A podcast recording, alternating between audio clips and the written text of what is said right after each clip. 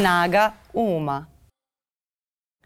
Dobar dan dragi ljudi, dobrodošli u podcast Naga Uma, ja sam Miljana, a mi ovdje iz ponedjeljka u ponedjeljak često imamo tu priliku da zajedno učimo, da razgovaramo o životu, a današnji moj gost je zaista, mislim, velika privilegija iz mene, a nadam se i za vas koji ćete ovo slušati ili gledati, e, gospodin Ljubivoj Rašumović, čovjek koji je obeležio detinjstvo mnogih od nas, a i koji je prošle godine obeležio 65 godina e, književnog stvaralaštva, ja se neizmjerno radujem da razgovaram sa njim o učenju, da razgovaramo eh, o svim ljudima i njegovim intelektualnim uzorima eh, koji su ga tokom godine inspirisali, o načinima na koje je on eh, čuvao svoju maštu koja je danas vrlo živa, a i o svemu onome što je naučio od dece. Gospodine Ršumoviću, dobro mi došli i srećan vam ovaj rođendan, ako tako može da se kaže, stvaralaštva. Pa hvala pre svega dobrima došao i hvala na, čestitkama. Pa sad, e, da li je rođendan, e, vidjet ćemo. I pomalo je, ovaj, pomalo je to arhivski neki posao. Mora čovjek malo da pročešlja svoju prošlost, da vidi šta je bilo dobro, šta bi moglo bolje da se uradi još Eh, šta ne treba uraditi uopšte, a planirali smo, dakle teško je. Eh, teško razdoblje. Posle 80. godine naravno eh, dolazi do preispitivanja. Tako da i ovo što ja spremam kao nekakve dnevnike, pa nekakve autobiografske zapise, nekakve koještare, E, izašla, izašla su dva jaja na oko.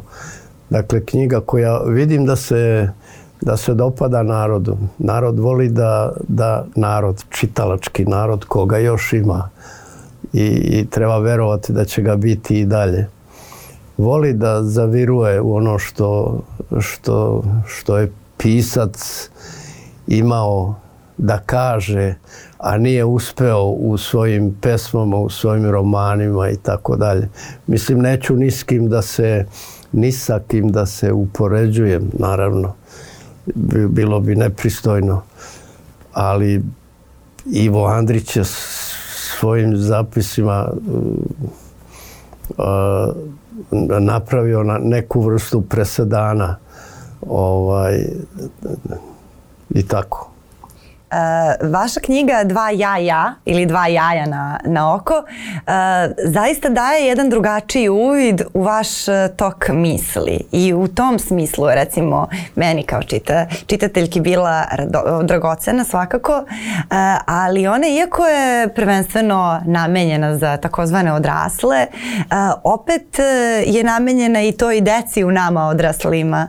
Tako da se vrlo čuje taj vaš glas i vrlo se čuje je ta vaša radoznalost e, i e, ono što je meni u, toj knjizi bilo zanimljivo u tim pričama i zapisima i vašim pesmama e, jeste ta neka nit vaše motivacije i vaše radoznalosti koju nekako tokom, tokom cijele knjige pokušavamo da uhvatimo pa je otud možda i nastala ideja za, za, za ovu temu razgovora a to jesu te vaše inspiracije i ti ljudi koje ste i kao mladi student književnosti, a i pre nego što ste upisali književnost, čitali i slušali, a za koje mislite da su vas oblikovali, koje pamtite i danas. Pa ko su bili vaši prvi e, uzori?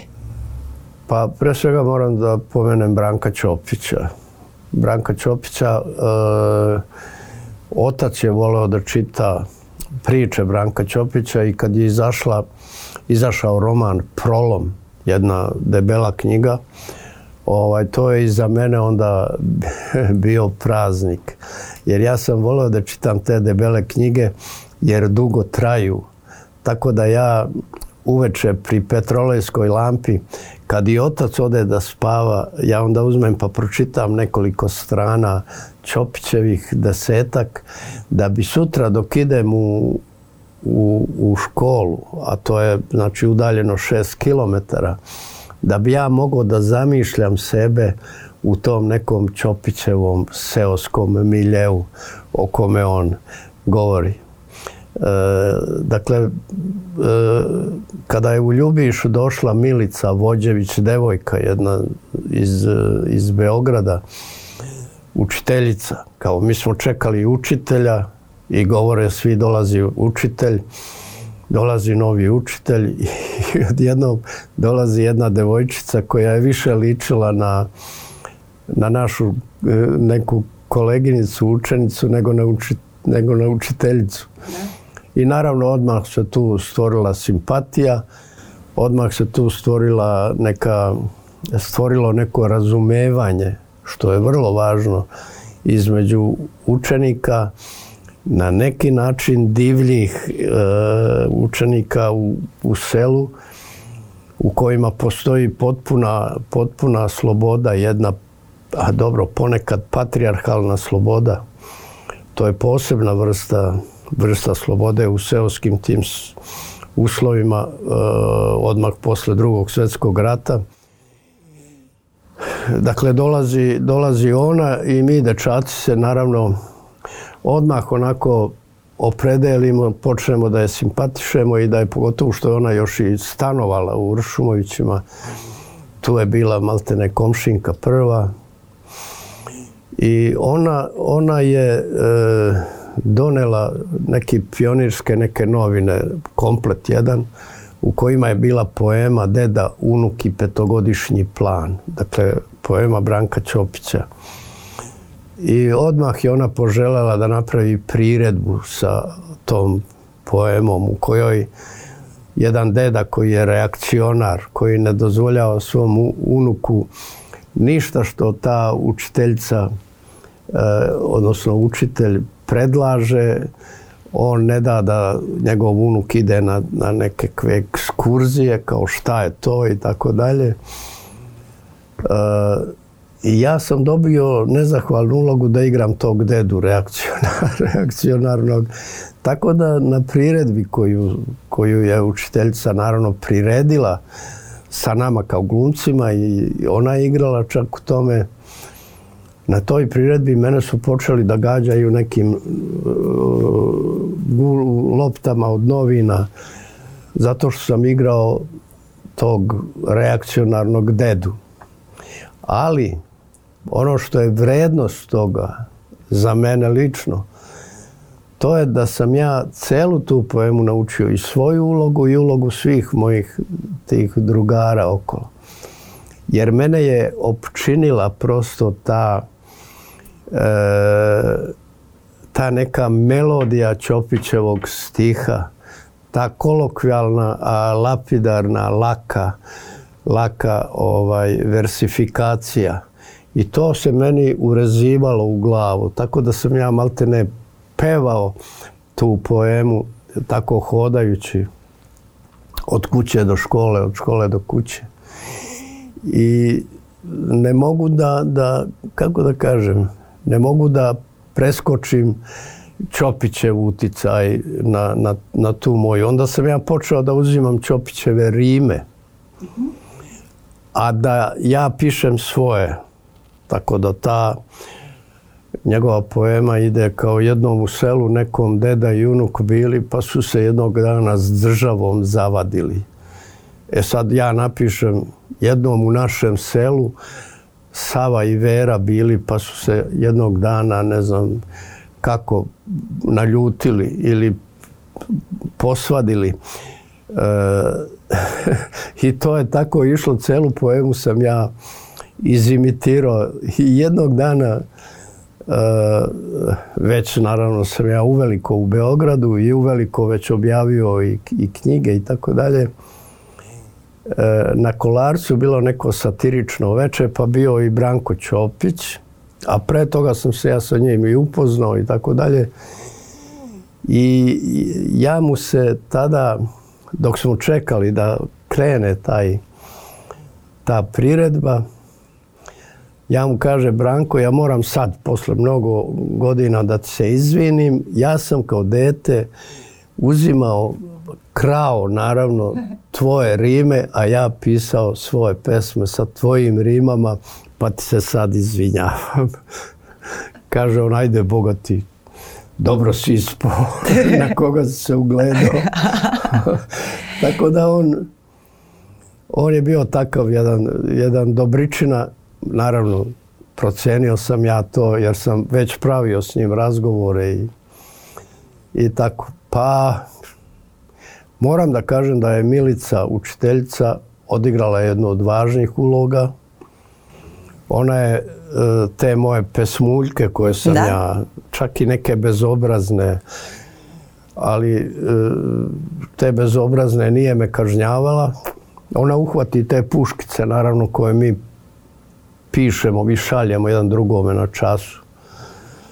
Ovaj, ona to uhvati i pozove me. I mene i Sava Joksimovića, o kome sam ja napisao tu jednu pesmicu bezobraznu. Bezobraznu, mislim, nije bezobrazna mnogo, ali ja pominjem, došao Savo krezav, bez jednog zuba ja, ja mu napišem ovaj, naš je Savo, pored babe je spavo, pa se baba mrdnula, pa je Savu prdnula. E, baba, baba baš si gruba, sad naš Savo nema zuba. Ona to uhvati i sad umjesto da me kazni, što sam očekivo ona me pozove i kaže, gdje si ti bre video da Čopić, upotrebljava u reč prdnula. Pa ja kažem, nisam naravno. Pa nisi, nisi mogao. Jer Čopić piše književnim jezikom. Postoji književni jezik kojim se pišu književna dela. Tako ona meni održi čas jedan iz teorije književnosti u četvrtom razredu osnovne škole. Uh, I to mene ohrabri jer mi je ona zada zadatak da napišem jednu pesmu o Zlatiboru, najlepšoj planini e, u Jugoslaviji tadašnjoj. Kaže za sutra. Ja za sutra napišem Zlatibore, ti si zlato, ja te volim zato. Kako je bila domišljata i kako je to u stvari dobar pristup bio. Pa jednom talentovanom dečaku koji... I ona je shvatila. Mnogo smo, mi smo se posle družili. Ona je otišla u Bratunac, ja sam otišao u Čajetinu tamo i tako dalje, ali smo se viđali. I čak kad sam otišao ja i na studije, ona me zvala, pa sam ja išao na radlo u osnovnoj školi u Bratuncu. Ovaj, pričala mi ona da je ona isto osjetila iste simpatije prema nama prema dečacima, znači iz, iz, iz ljubiša. Pomalo divljim, ona je osjetila da se ona nama dopada i da ćemo mi sve uraditi. Dakle, i, da ćemo i uraditi i neke mangupluke. Kao što je bilo recimo da kad ona krene, ona je bila u komšiluku u Uršunovićima, krene, a krenula je u nekoj crvenoj bluzi a prolazi pored, e, pored dole tora u kome su volovi nekog luk, ne nekog Luke Ršunovića i mi otvorimo otvorimo vrata od, da volovi kad naiđe ona u crvenom, onom oni juriše na nju i ona onda beži, onda mi nju spasavamo. spasavamo. Mislim, to je, to je mala jedna igranka, naravno opasna, ali njoj se to dopadalo. Jer znala je da, da zašto mi to radimo, naravno. A, kako je to dalje, dalje izgledalo u trenutku kada ste shvatili da će književnost e, biti vaš život? Vi ste vrlo pa brzo pa krenuli da pišete i da objavljujete. To bi sad ovaj, to bi sad zahtevalo da, da celo ovo e, popodne provedemo pričajući da o vašim uzorima. Ali šta vam sada prvo pada na pamet kada vam pomenem e, te godine u kojima ste i upisali književnost pa onda krenuli i mnogo detaljnije da je izučavate i sa njom da se upoznajete, a s druge strane već i pišete i, e, i sami gradite neki, neki svoj put. Ko su vam u to vreme bili e, neki uzori koje ste otkrivali i od kojih ste pa dobijali pa, ideje? Milica je imala veliku biblioteku kad je došla u Ljubiš. E, čak je i u Ljubišu postojala biblioteka, omladinska biblioteka sa nekim slovima. Zanimljivo, recimo Franz Kafka. Da? E, odjednom u toj Ljubiškoj biblioteci. A Milica je donela naravno e, mnogo knjiga koje, koje koje nisu postojale tamo. Tako da sam ja upoznao Toma Sojera, recimo i Huckleberry Fina iz knjiga koje je ona onda bila je neka knjiga Karkadžu, e, prevedena naravno sa engleskog, američkog jednog pisca. Pa šta ja znam, e, onda je otac, otac koji je isto volao da čita, otac Mihajlo, on je onda uvek kad ode negde, on je tražio i neku knjigu za mene kao jer sam voleo da čitam. Tako da je doneo recimo Vinetua. Vinetua i to je, pošto knjige o Vinetu su bile tako isto malo, malo deblje, onda sam ja mogao ovaj, danima da ih čitam, pa onda kad pročitam jednom, onda ostavim malo eh, deset dana, pa onda ponovo počnem da čitam. Eh, kako da kažem, voleo sam čitanje kao neku vrstu rituala. I avanture? To su sve neke knjige koje su vas vodile. i to, to sam ja kasnije shvatio u stvari, da sam ja želeo da proživim još jedan život sa junacima knjiga koje čitam. I to je, to je, e, kako da kažem, korist od čitanja. I ja to danas mladim ljudima prenosim, priča. Ja im kažem, ja sam e, proživeo 83 godine. Baš pre neki dan sam pričao sa sa eh, dečacima i devojčicama iz podmatka Crvene zvezde. Bila je puna sala i tako. Ja, sam im pričao da sam ja proživeo 120 eh, života. Pored svog života od 83 godine. Sad oni gledaju onda mali jedan kao, kao kako je to moguće. Ja kažem moguće je tako što sam ja čitajući knjige uvek živeo i život iz knjiga, život junaka iz knjiga. E sad, ja se nadam, ja se nadam, a gotovo da sam siguran, da će neko od njih isto probati. Probati da će kupiti neku knjigu, recimo moj roman Zauvari i da će onda, e, kao što sam ja to radio, proživljavati sve ono što sam ja sa svojim sinovima proživljavao putujući u moj zavičaj. A, a sada u tom periodu nekom ste upoznali Duška Radovića koji također ove godine, da kažem, svi mi obeležavamo jubilej 100 godina od rođenja Duška Radovića, e, pa kako je izgledalo to prijateljstvo u kontekstu e, razmene tih mašti? To su zaista onako, e, to je jedan sudar e, dve različite kreativnosti u različitim dobima koji mora da je bio vrlo, vrlo inspirativan i za njega i za vas. Pa mi smo na neki način bili u stvari možda malo prepotentno izgleda, ali kao da smo se prepoznali. Ja uvek kažem, to je neka vrsta mitološkog e, događanja. Da za pesmicu koju je Milica iz Ljubiša poslala pionirskim novinama, ja sam dobio nagradu. Pretplatu na pionirske novine i grafitnu olovku Mnogo godina kasnije, vozeći auto Duško Radović je pored mene. Preko Zlatibora idemo u Novu Varoš. Ja mu pričam tu priču. Da sam ja dobio to i da sam dobio pretplatu na novine i to. Kaže, pa znaš ko ti je to slao?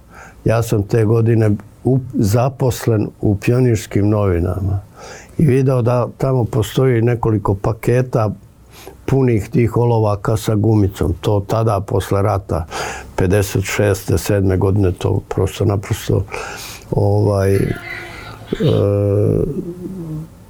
nije postojalo šta ja znam, ja sam bio, šta sam ja bio u, trećem razredu, valjda kad sam to dobio. Ovaj, to je bilo čudo. Dakle on, dakle, on mi je to poslao. A drugo, kad sam ja došao u Beograd, e, prvi čovjek koga sam ja sreo bio je Duško Radović, mislim, sedeo je sa Stevom Rajičkovićem. E, našli smo se u prosveti i tada je on, e, tada je on gledajući neki moj rukopis i, i uzeo ga da ga izemituje na radio Beogradu i tako je počela naša saradnja i posle kad je on otišao iz radija u televiziju onda je e, preveo, kako da kažem, i mene na televiziju, tako da, da smo do kraja zajedno radili. Duško Radović... On kao mhm. urednik, ja kao saradnik i evo, morate mi verovati, a ne govorim prvi put. I danas sve što ja napišem, posle ne znam koliko godina od njegove smrti, blizu 40, 30 i nešto godina. Sve što ja napišem prvo pročita Duško Radović. E to je, to je korist od tog druženja. Korist uopšte od, idola, korist, korist od, kako bih rekao, od nekoga kome veruješ i usvajaš ono što on govori i što radi. I pokušavaš da ga imitiraš ili pokušavaš čak da budeš bolji od njega. To je, to je kvalitet druženja sa, sa tim ljudima. Tako da se taj krug koji ja zovem mitološki prsten zatvara sa Duškom Radovićem dotle da, da, da ja onog augusta 84. godine kad je on kad je on umro ovaj e, došao iz Rovinja gdje sam e, letovao da bih mu održao govor, posmrtni govor na groblju. Tamo. Dakle, tako se zatvara taj krug. A kažem i, i dan danas e, taj estetski i, i drugi prag koji je ostao u meni, a u stvari njegov, njegov prag stoji i u svemu što ja uradim. Znači ima, ima u tome što ja radim mnogo, mnogo slobode, e, jer je i Duško e, propovedao. Trudio sam se da bude vedrine, što znači optimizma i, i lepe reči, lepog razmišljanja, lepog stiha, ako je pesma. Tako. A a u kom ste periodu počeli kroz književnost, ali i kroz život, da zaista promišljate o životu i o načinu na koji treba živjeti? Ako ste u tim prvim godinama se u književnost zaljubili zbog avantura, kada ste počeli da razmišljate o životu? Duško Radović e, je bio dosta posvećen tome i kroz njegove aforizme i sve e, njegovo opažanje je tu bilo dosta snažno. Kako se to kod vas razvijalo? Pa dobro, mislim da ne objašnjamo objašnjavam mnogo. Imam ja među 40 rukopisa nekih sabranih dela, imam recimo i knjigu koja se zove Obad. To su satirične pesme. Humoristične i satirične. Dakle, e, imam knjigu koja se zove e, Pesme uličarke. E, imam knjigu koja se zove rodoljubivo je pesme. To su rodoljubive moje, moje pesme također. E, da bih ja sad govorio neku svoju životnu, ne, e, ja to nemam. Ono što je osnovno da? u svemu, to je vedrina. To je pokušaj da u svemu vidim, e, da u svemu budem optimista. Ponekad se ne bi to moglo reći ja, čak me u porodici zovu Mrki. E, mislim, kad sam se oženio i, i posle toga celo to, svima znaju kao Mrkog, zato što sam uvek tako... A možda je i to, evo sad mi pada na pamet, Duško Radović je bio takav. Duško Radović je bio kao mrzovoljan u stvari. Tako da, kad on u redakciji tako čeka nas, svi dolazimo, dolazi Vjera Bjelogrlić koja je sva tako happy, ulazi. Kaže, Bože Duško, što ste to danas nešto tako tužni? Kaže, nisam gospođo tužan, ja sam samo ružan. Volao je da se šali na svoj račun. Da, ali to su, to su ti ljudi, vi, vi to što kažete kao mrki, ali opet ljudi u susretu sa vama, prva asocijacija im jeste osmeh i ljudi će se instinktivno kada vas upoznaju i sad ovdje kada ste došli u redakciju, sve ljude preplavi taj neki osmeh. Upravo zbog toga što vas valjda poistovećaju sa delom, zato što ih samim svojim prisustvom podsjetite na sve one emocije koje, koje ste im budili još od detinstva pa i kasnije kroz život i to je onda nekako, možda se mnogo ne smijete, ali mnogo osmeha izazivate. Pričajte još, odgovarajte na svoje pitanje. ne, hoću da kažem kako je to zanimljivo i ovaj, kada ste to počeli da, da, primećujete, kako to, postižete?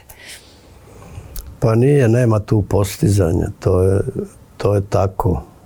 To je tako, to je odjek odjek onoga što sam ja e, govorio i što sam, e, što sam pisao a što sam govorio u nekim emisijama za decu i što sam pisao u stvari također u emisijama za decu i pa u krajnjoj liniji i ovaj i onome što sam govorio kolegama, novinarima, kao što je i ovo, ovaj naš razgovor.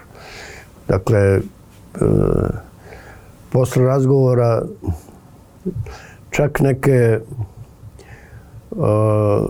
starije gospođe e, uvek mi govore kad čujemo vaš glas mi se odmah okrenemo i zalepimo se za gledamo kao, kao kad čuju na radiju ili na televiziji E, možda ima nečega tu i od toga kako, kako govori. Sad sam malo promukao, inače... Sad smo svi promukli, da, zbog...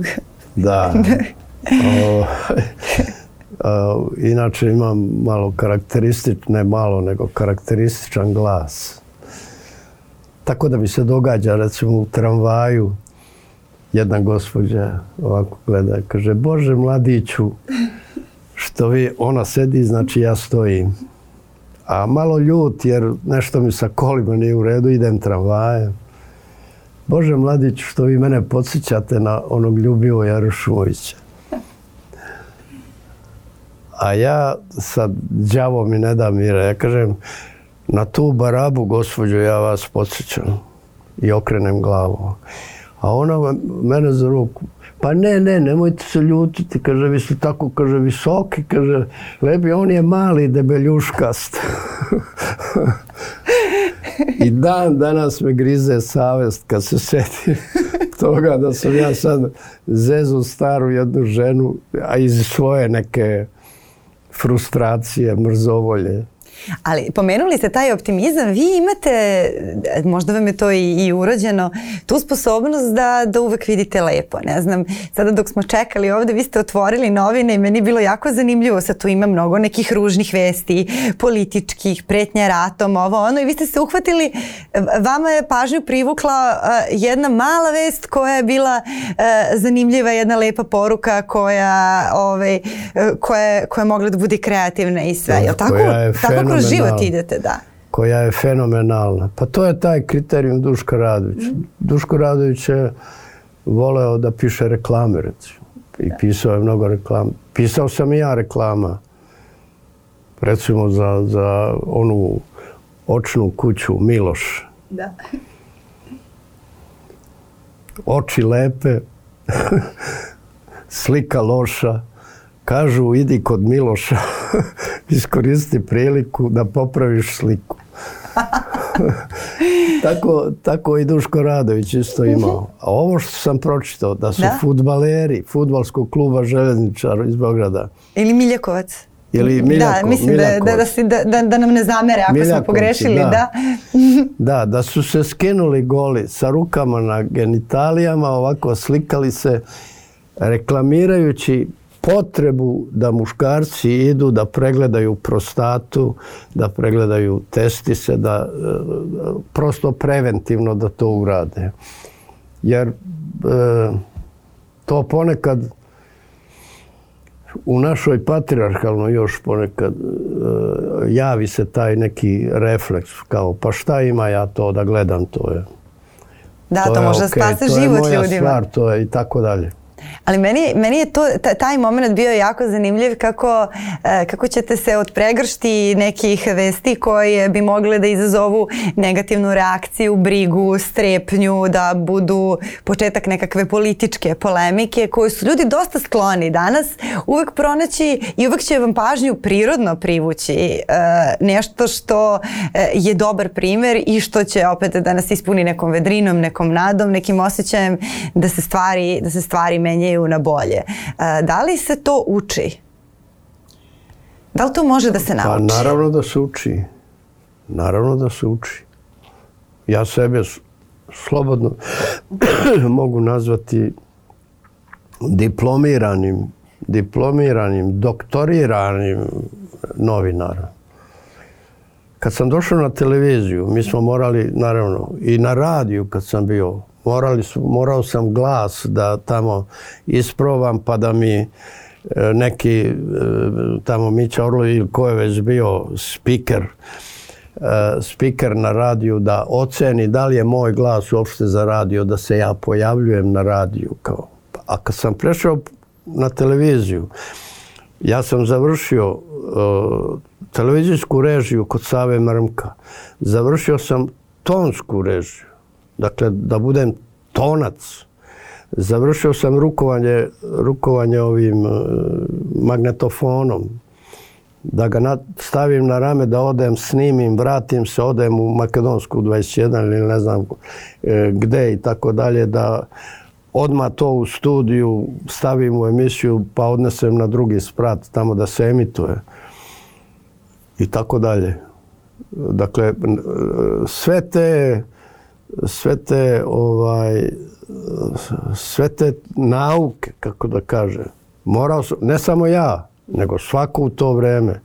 Bila je grupa nas mladih, tada Milan Špičak i ne znam, i drugi, mislim, drugari, moji kolega i tako dalje, koji su posle postali, naravno, također odlični novinari, dobri saradnici, urednici i tako dalje.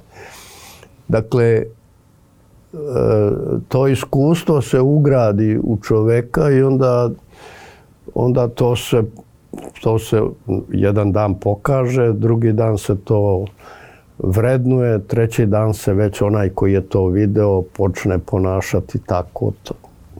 To su tehničke stvari tog zanata, ali mene zanima da li može da se nauči taj odnos prema stvarnosti, da nam prvo uh, pažnju privuku one stvari koje su dobre i koje su zanimljive. Naravno, pa ja sam shvatio da je mhm. politika da je politika jedna vrsta budalaština, ne mogu da kažem budalaštine, da.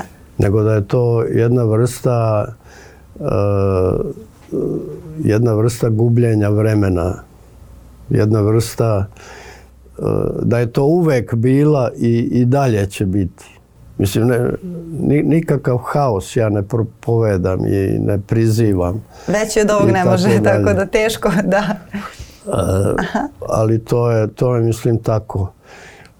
Onda ta osiljenost onih koji, su, koji steknu neku vlast, mislim, to je najcrnje što može da se događa i da se vidi na televiziju. To je osiljenost. Treće, to je čopor. Čoporativno e, to što gledamo na, na recimo, to je najcrnji šund. To što gledamo skupštinu našu i to šta se događa tamo. To je e, psihologija čopora. A to to mrzim, toga se plašim. Ja sam užasnut čoporom. Jer mi se to događalo kad, su došli takozvani demokrate na vlast, recimo. Onda sam ja bio komunjara jer sam radio na televiziji. A na televiziji nije mogao niko da radi u to vrijeme ako nije član Saveza komunista, komunističke partije prvo, pa Saveza komunista i tako dalje što je to također neka vrsta prosto naprosto selekcije. E sad se dogodilo da ja vozim, auto bulevarom revolucije, a e, čopor jedan ide, e, mislim da su ovi Vuka Drašković ili Šešeljevi, ne znam, idu i počnu da pljuju po mojim kolima, i da viču i da lupaju u kola i tako dalje. Ne daju im da krene dalje komunjarov. Idemo da osvajamo Bastilju i tako. Mislim, to, to je e, to. Je to. Da, to, su potpuno dve, iste strane. I sačuvaj me, kaže Bože, kuge i čopora. To ima velike istine. A težimo tome. I s vremena na vreme nekako postoje ti neki predasi e, istorijski prosto kada, kada se osvrnemo tom individualizmu, ali strašno se lako sklizne u taj čopor, naročito kada su ljudi nezadovoljni ekonomski ovako ili onako, a uvek ima prostora za, za nezadovoljstvo i ti čopori se strašno lako prave, nekako kao da su deo ljudske prirode. Pa kako vi sada razmišljate o tome šta je možda najbolji protiv otrov za to. Jer jedno je biti nezadovoljan nečim, e, aktivno, aktivno učestvovati u političkom životu, a potpuno je druga stvar taj čopor koji ste pomenuli i postati deo jedne e, mase u kojoj vlada jednoumlje i kojoj E, prosto ljudi rade neke stvari koje nikad ne bi radili da stoje sami, poput tog pljuvanja e, i, slično. Da. Pričajte još. Sviđa vam se kako priča. Sviđa mi se kako odgovarate. Ali nije odgovor, to je pitanje. Šta mislite da je protiv otrov tome? Protiv otrov može da, može da bude, može da bude recimo Gandhi.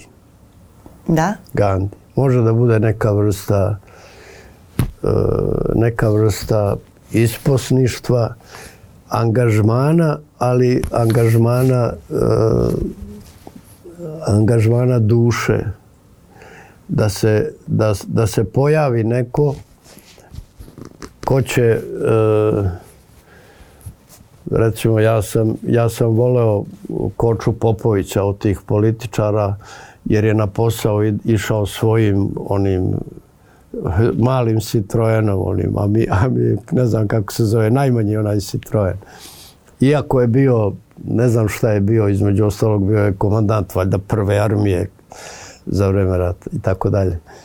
E, dakle, jedna ta vrsta, jedna ta vrsta skromnosti ljudi koji su na vlasti, koji dakle imaju vlast, a posjeduju u sebi taj nagon za samaričanstvom i za, i za, za dobrotom, za razumevanjem. E, pa sad, e, život je, život je i ovo i ono što kažu. Ima e, Postoji moto mojoj, mojoj knjizi e, Tri jaja na oko koji glasi čovjek može da radi i ovo i ono, ali treba da bude mudar pa da ide kući. to je jako dobro. moto. Sjajan moto. Čovjek može da radi i ovo i ono, ali treba da bude mudar pa da ide kući. E, u vašoj kizi Dva jaja na oko e, sam pročitala, sada pošto govorimo i o velikim umovima koji su vas inspirisali, e, sam pročitala da je postojala ta ideja za jedinstven spomenik Jovi Jovanović Zmaju. Ja to nisam čula nigde drugde u javnosti da, je, bila objavljena ta inicijativa. Pa biste mogli možda da kažete nešto više kako je došlo do toga da vi krenete da razgovarate o tome kako Jovo Zmaj treba da dobije spomenik za decu? Pa to je iz razgovora u redakciji. U redakciji u kojoj je e, prosto naprosto počeli smo da idemo na Zmajeve dečje igre.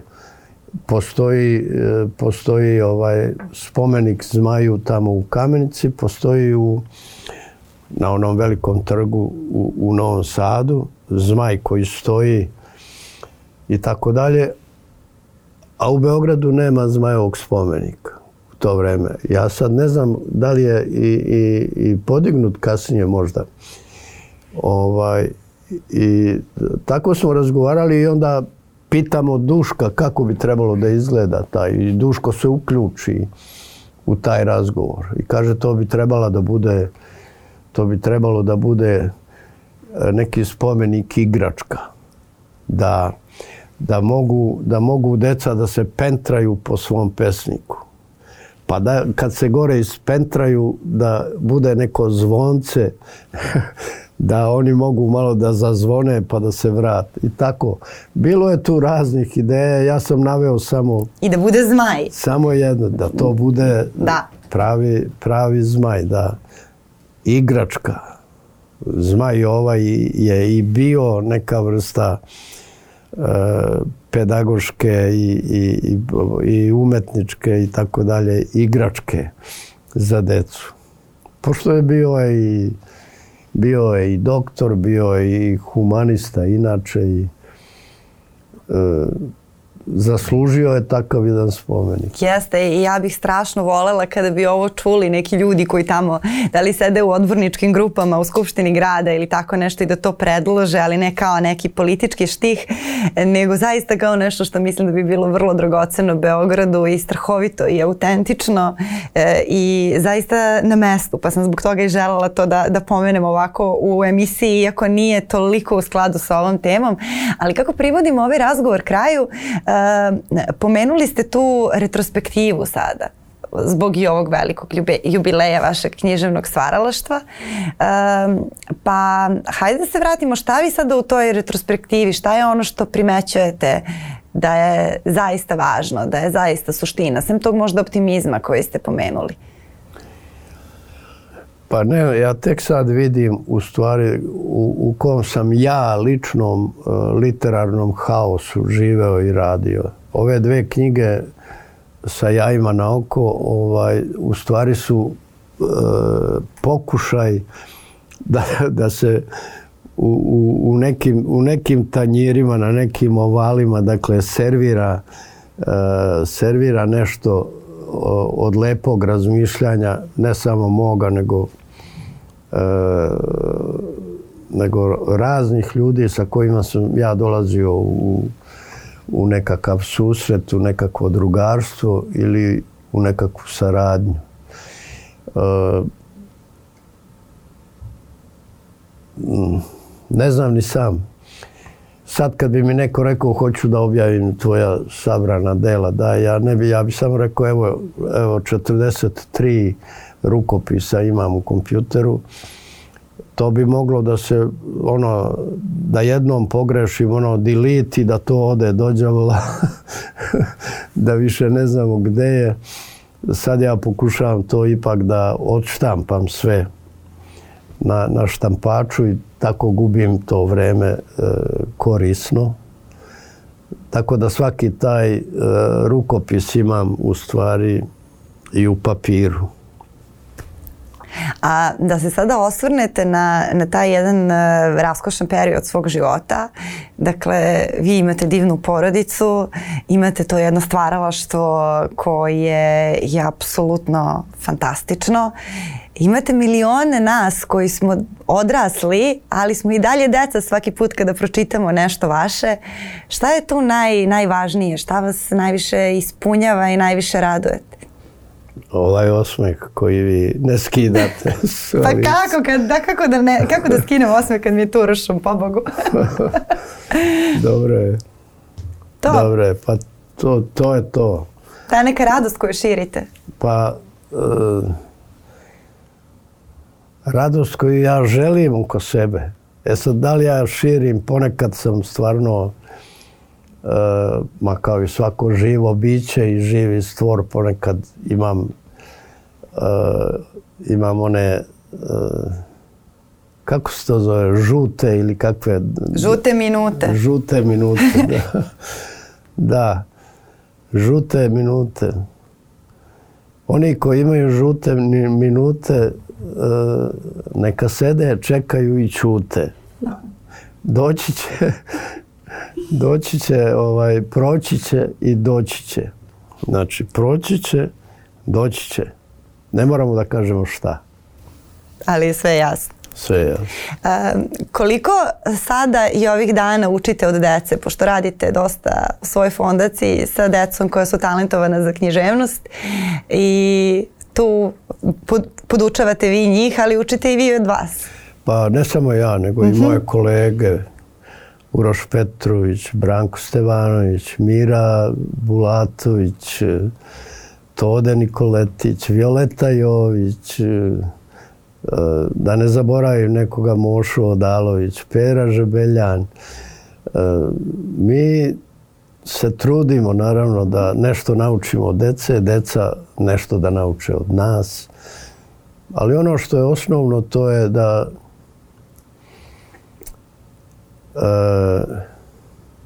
a to je težak zadatak da pokušamo da, jer oni su sad na pragu, znači tu negde između 8. i 15. godine, da ih e, malo e, navodimo da razmišljaju abstraktno. Abstraktno. Tako da sam im ja recimo zadao, zadao zadatak jedan da recimo napišu pismo sebi, sebi u maminom stomaku. Sad imaju 15 godina, piši sad sebi u maminom stomaku, savjetuj ga nešto tog malog uroša koji je tamo u, u stomaku. Ti kao sad uroš, ajde nešto mu kaži, predloži mu nešto, uputi ga i tako. Pa to bi moglo da bude zanimljiv zadatak i za naše gledalce i za slušalce i za mene, što samo za decu. Taman, eto, može bude pa ne, to, to lepa kao za razmišljanje. kao primjer kako ja i moje kolege mhm. u stvari pokušavamo, recimo Uroš Petrović sa svojim zagonetnim pričama.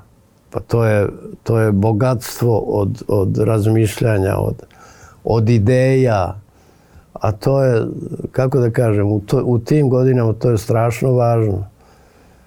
Pa sam ih ja, recimo ono što su nadrealisti radili. Mhm. E, sam papiriće, na svakom papiriću napisao jednu reč i onda im dao svakome po pet reči, da sa pet reči napišu pesmu u kojoj će upotrebiti tih pet reči. Tako su nadrealisti to radili u Parizu, ovaj, kad su smišljali nadrealizam i tako dalje.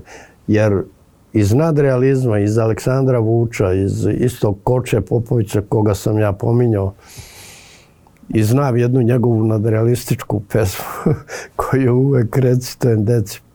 Deca se čude to noća su na našim krovovima cvrkutale mačke i tako dalje. Ovaj, e,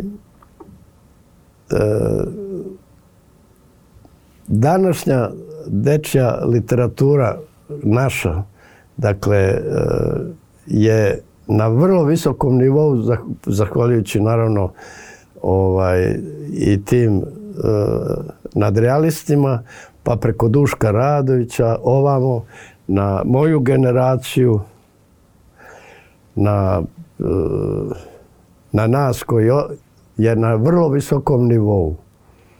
Mislim, to nije samo moje mišljenje, nego mišljenje uopšte. Jest.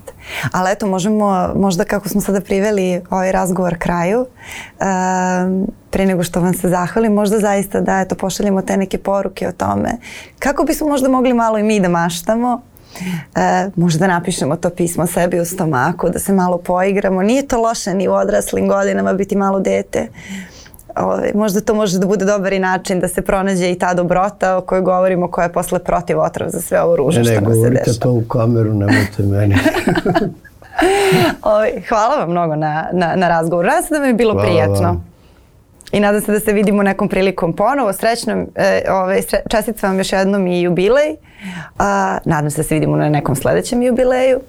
A, a hvala i vama na, na vremenoj pažnji. Sa mnom danas ovdje e, razgovarao gospodin Ljubivoj Rašumović. E, otvorio je mnoge prozore, mnoge teme. Ja sam dobila mandarinu pre emisije. Bilo je jako zanimljivo, puno boja, puno priča.